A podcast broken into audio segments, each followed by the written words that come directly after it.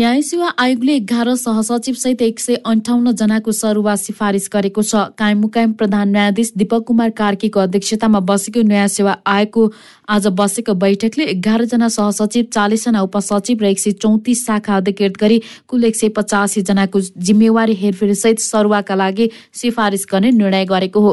सरुवामा सिफारिस भएका मध्ये कानून समूहका सहसचिव अर्जुन कुमार खड्का सहित कोष चन्द्र सुवेदी पाराश्वर ढुङ्गाना टीकाराम पाण्डे र धर्मराज कुइकेल रहेका छन्। त्यस्तै लोकसेवा आयोगले लिएको परीक्षामा उत्तीर्ण भएका एक सय चौधजना शाखा अधिकृतलाई पनि विभिन्न स्थानमा पदस्थापनका लागि सिफारिस गरिएको छ।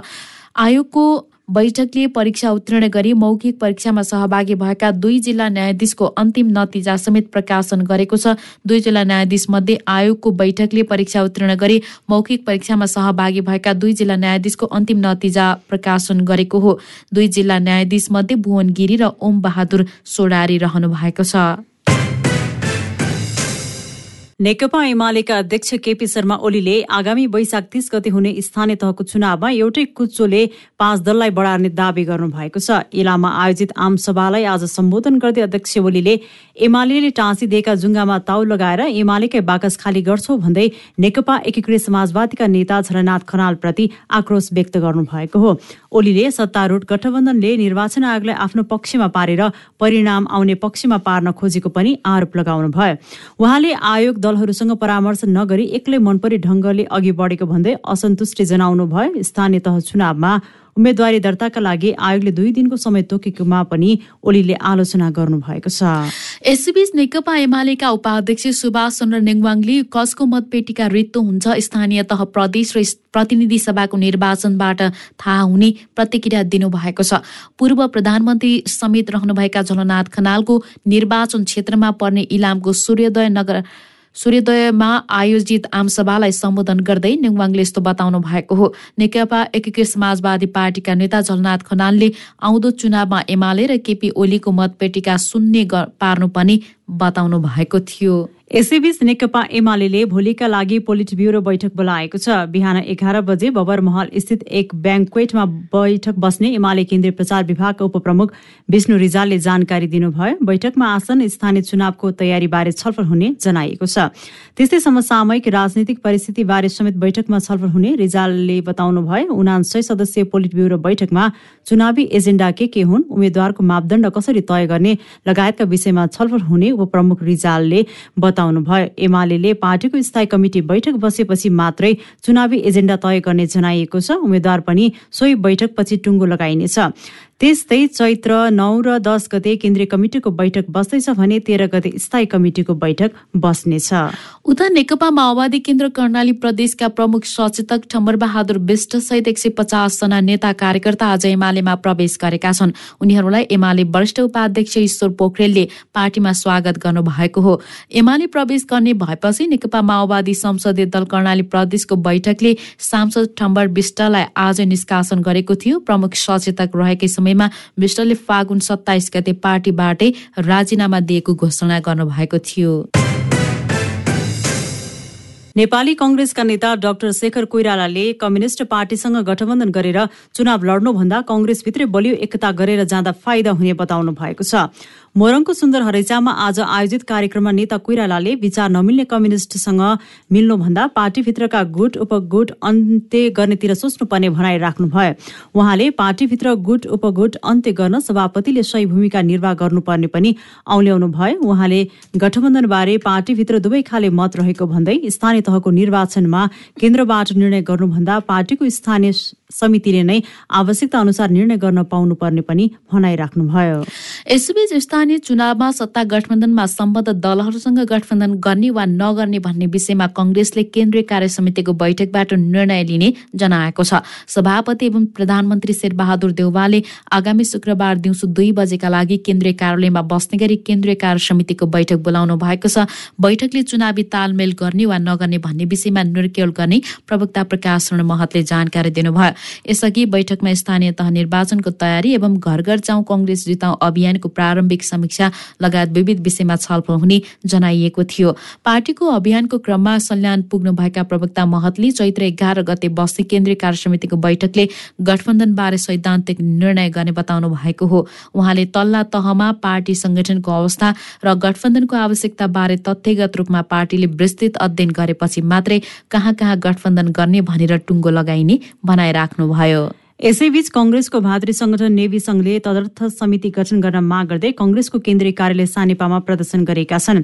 सबै उमेर समूहका विद्यार्थीको प्रतिनिधित्व हुने गरी विधान बमोजिम तदर्थ समिति गठन गर्नुपर्ने माग गर्दै उनीहरूले प्रदर्शन गरेका हुन्। उनीहरूले नेवी संघको विधान पूर्ण रूपमा कार्यान्वयन गर्नुपर्ने आसन्न तीनवटै तहको निर्वाचनमा युवा विद्यार्थी परिचालन गर्ने वातावरण तयार गर्नुपर्ने अध्यावधिक सो बियु निर्वाचन र नेवी संघको महाधिवेशनको ग्यारेन्टी गर्नुपर्ने माग पनि राखेका छन्। संघका नेता अनिल खनाले नेवी संघलाई थप अनिलमा राख्न नहुने भन्दै पार्टीको ध्यानकर्षण गराइएको जानकारी दिनुभयो। प्रदर्शनपछि उनीहरूले आफ्ना मागका बारेमा पार्टी कार्यालयमा ज्ञापन पत्र समेत बुझाएका छन्।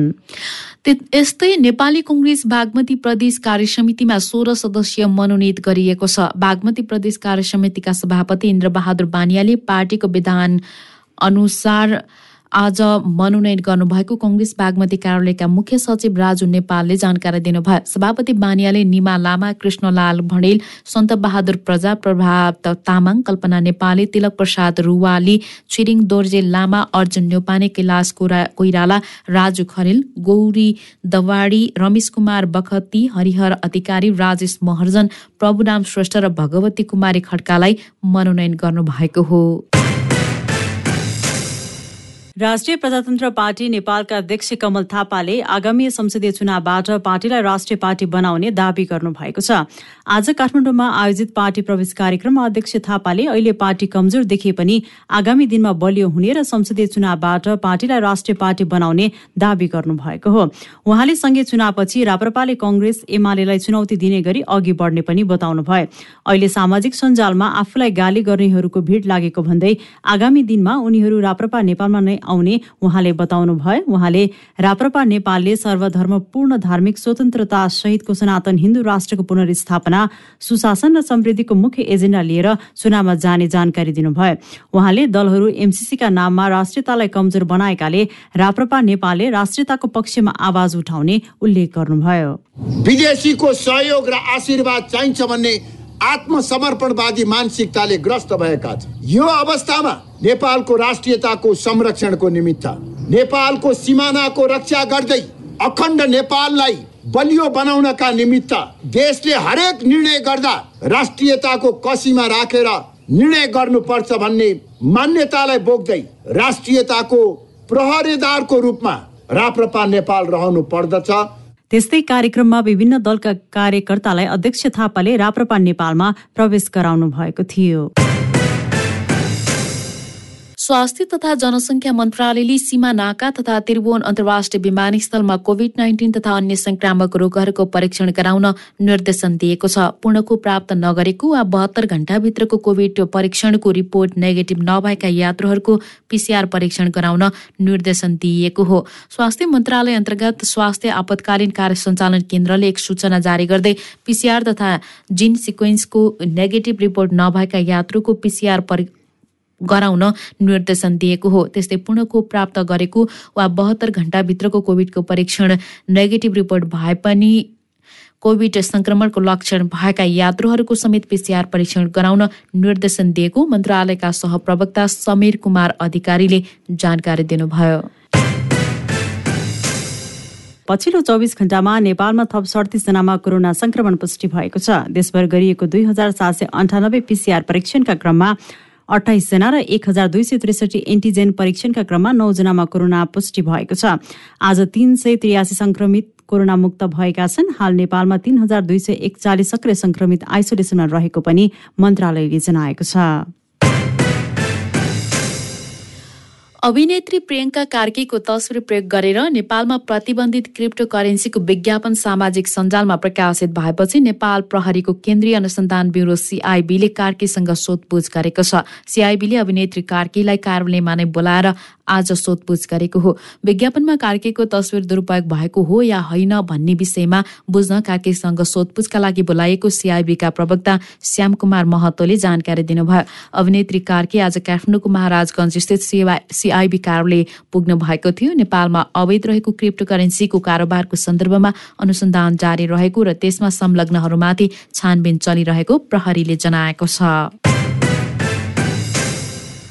संस्कृति पर्यटन तथा नागरिक उड्डयन मन्त्री प्रेम आलीले नेपाल आउन लागेका बलिउड अभिनेता सलमान खानसँग छलफल गर्नुहुने भएको छ। नेपालको पर्यटन प्रवर्धन तथा नेपाल भारत बीचको सांस्कृतिक सम्बन्धका बारेमा भर्चुअल संवाद हुने भएको हो। सलमान खान आगामी जेठ चौध गते दशरथ रङ्गशालामा आफ्नो प्रस्तुति देखाउन आउन लागेको बताइएको छ। सलमानलाई नेपाल ल्याउन लागेको ओडिसी इन्टरटेनमेन्टले त्यसअघि मन्त्री आदिसहितको भर्चुअल संवादमा सलमान सहभागी हुने जनाएको छ। सलमानसँग पत्रकारहरूलाई पनि सवाल जवाफमा भाग लिन दिइने आयोजकले जनाएको छ। यसैबीच मन्त्री आलीले सलमान खान नेपाल आउनु नै पर्यटन प्रवर्धनका लागि महत्वपूर्ण अवसर भएको पनि प्रतिक्रिया दिनुभएको छ।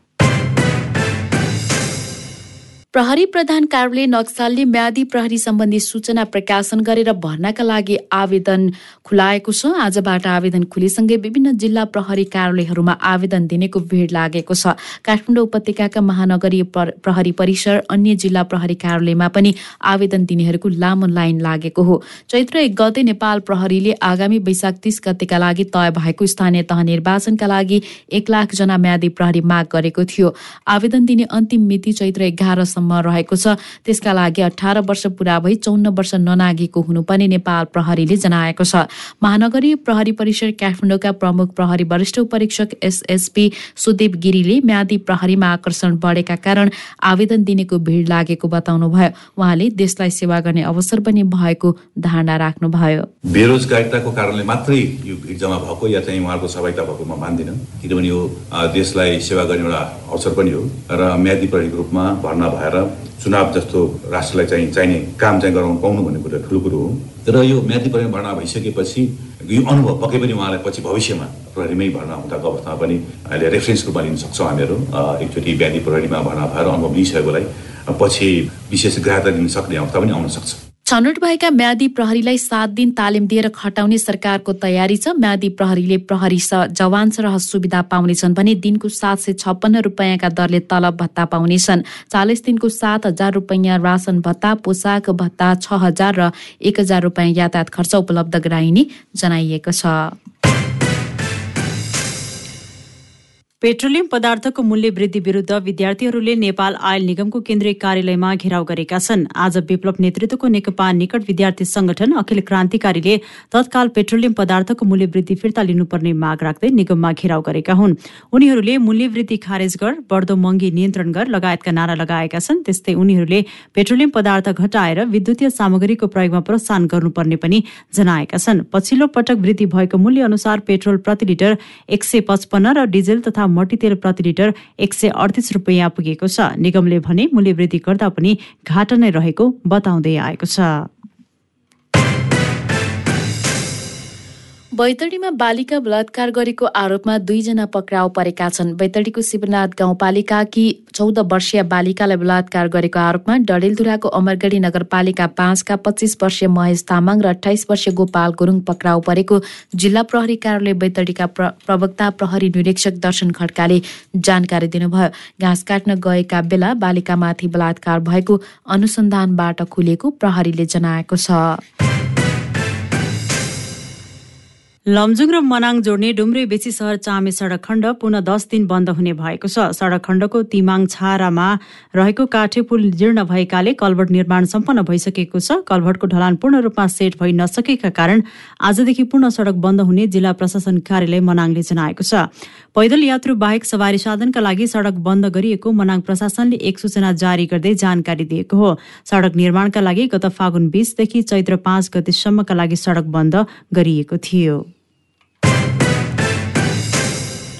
त्रिभुवन अन्तर्राष्ट्रिय विमानस्थलबाट अवैध रूपमा लुकाई छिपाई लैजान लागेको अवस्थामा विदेशी मुद्रासहित एकजना युवतीलाई प्रहरीले पक्राउ गरेको छ। पक्राउ पर्नेमा गोर्खा बोर्लाङ आठ घर भएकी तेइस वर्षीय रञ्जिता श्रेष्ठ रहेको प्रहरीले जनाएको छ। उनको साथबाट प्रहरीले उन्नाइस हजार छ सय अस्ट्रेलियन डलर र चौ बयालिस अमेरिकी डलर बरामद गरेको जनाएको छ। नेप्सेले सूचीकृत कम्पनीहरूको पछिल्लो वर्गीकरण सूची सार्वजनिक गरेको छ। सार्वजनिक सूची अनुसार छत्तिस कम्पनी ए समूहमा परेका छन्। धितोपत्र सूचीकरण विनिमा विनियमावली अनुसार कम्पनीहरूको वर्गीकरण गरिएको हो। नेप्सेले ए बी जी र जेड गरी चार समूहमा कम्पनीहरूलाई वर्गीकरण गर्ने गरेको छ। विनियमावली अनुसार चुक्ता पुँजी कम्तीमा एक अर्ब भएको विगत तीन आर्थिक वर्षमा लगातार नाफा रही लाभांश वितरण गरेको क्रेडिट रेटिङ संस्थाबाट औसत वा सो भन्दा माथिको रेटिङ पाएको आर्थिक वर्ष सकिएको छ महिनाभित्र साधारण सभा भएको लगायतका मापदण्ड पूरा भएका कम्पनी ए समूहमा राख्ने गरिएको छ। त्यस्तै बी समूहमा पर्नका लागि चुक्ता पुँजी कम्तीमा पचास करोड भएको सूचीकरण भएको तीन वर्ष भएको विगत तीन आर्थिक वर्षमा कम्तीमा दुई आर्थिक वर्ष नाफा गरेको आर्थिक वर्ष समाप्त भएको छ महिनाभित्र साधारण सभा गरेको हुनुपर्ने मापदण्ड तोकिएको छ। सूचीकृत भएको दुई वर्ष नपुगेका कम्पनी जी समूहमा पर्छन् भने ए बी र जी समूहमा नअटाएका कम्पनी जेड समूहमा पर्ने गरेका छन्। नेप्सेले वर्गीकरण गरेका समूहमा पर्नु नपर्ने कारणहरू कम्पनीहरूले पैँतिस दिनभित्र दावीसहितको आवेदन दिन सक्नेछन्। यस समूहमा पच्चिसवटा वाणिज्य बैङ्कहरू परेका छन्। कुल सत्ताइस वाणिज्य बैङ्क मध्ये राष्ट्रिय वाणिज्य पूर्णत सरकारी स्वामित्वको कम्पनी हो भने एनआइसी एसिया बैङ्क जेड समूहमा परेको छ। यसैबीच कारोबारको पहिलो दिन आज शेयर बजार परिसूचक नेप्से दोहोरो अङ्कले घटेको छ। आज नेप्से चौध दशमलव छ सात अङ्कले घटेर दुई हजार छ सय सोह्र दशमलव पाँच आठ बिन्दुमा पुगेको हो। आज कुल बयालिस लाख सतासी हजार पाँच सय उनासत्तरी किता सेयर दुई अर्ब सत्ताइस करोड छयालिस लाख छब्बिस हजार एक सय उन्नाइस रुपियाँमा कारोबार भएको छ।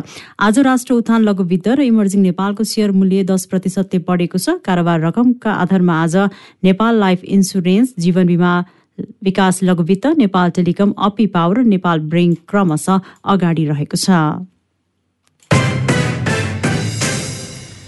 क्यान्डिड न्युजमा अब अन्तर्राष्ट्रिय समाचार। युक्रेनका राष्ट्रपति भोलोदिमिर जेलेन्स्कीले एघार राजनैतिक दलका गतिविधि निलम्बन गर्न आदेश दिनुभएको छ। रुससँग सम्बन्ध राखेको भन्दै जेलेन्स्कीले प्रतिबन्ध लगाउनु भएको हो। तीमध्ये सबैभन्दा ठूलो दल अपोजिसन प्लेटफर्म फर लाइफ रहेको छ। चार सय पचास सदस्यीय युक्रेनी संसदमा यो दलका चौवालिस सिट छन्।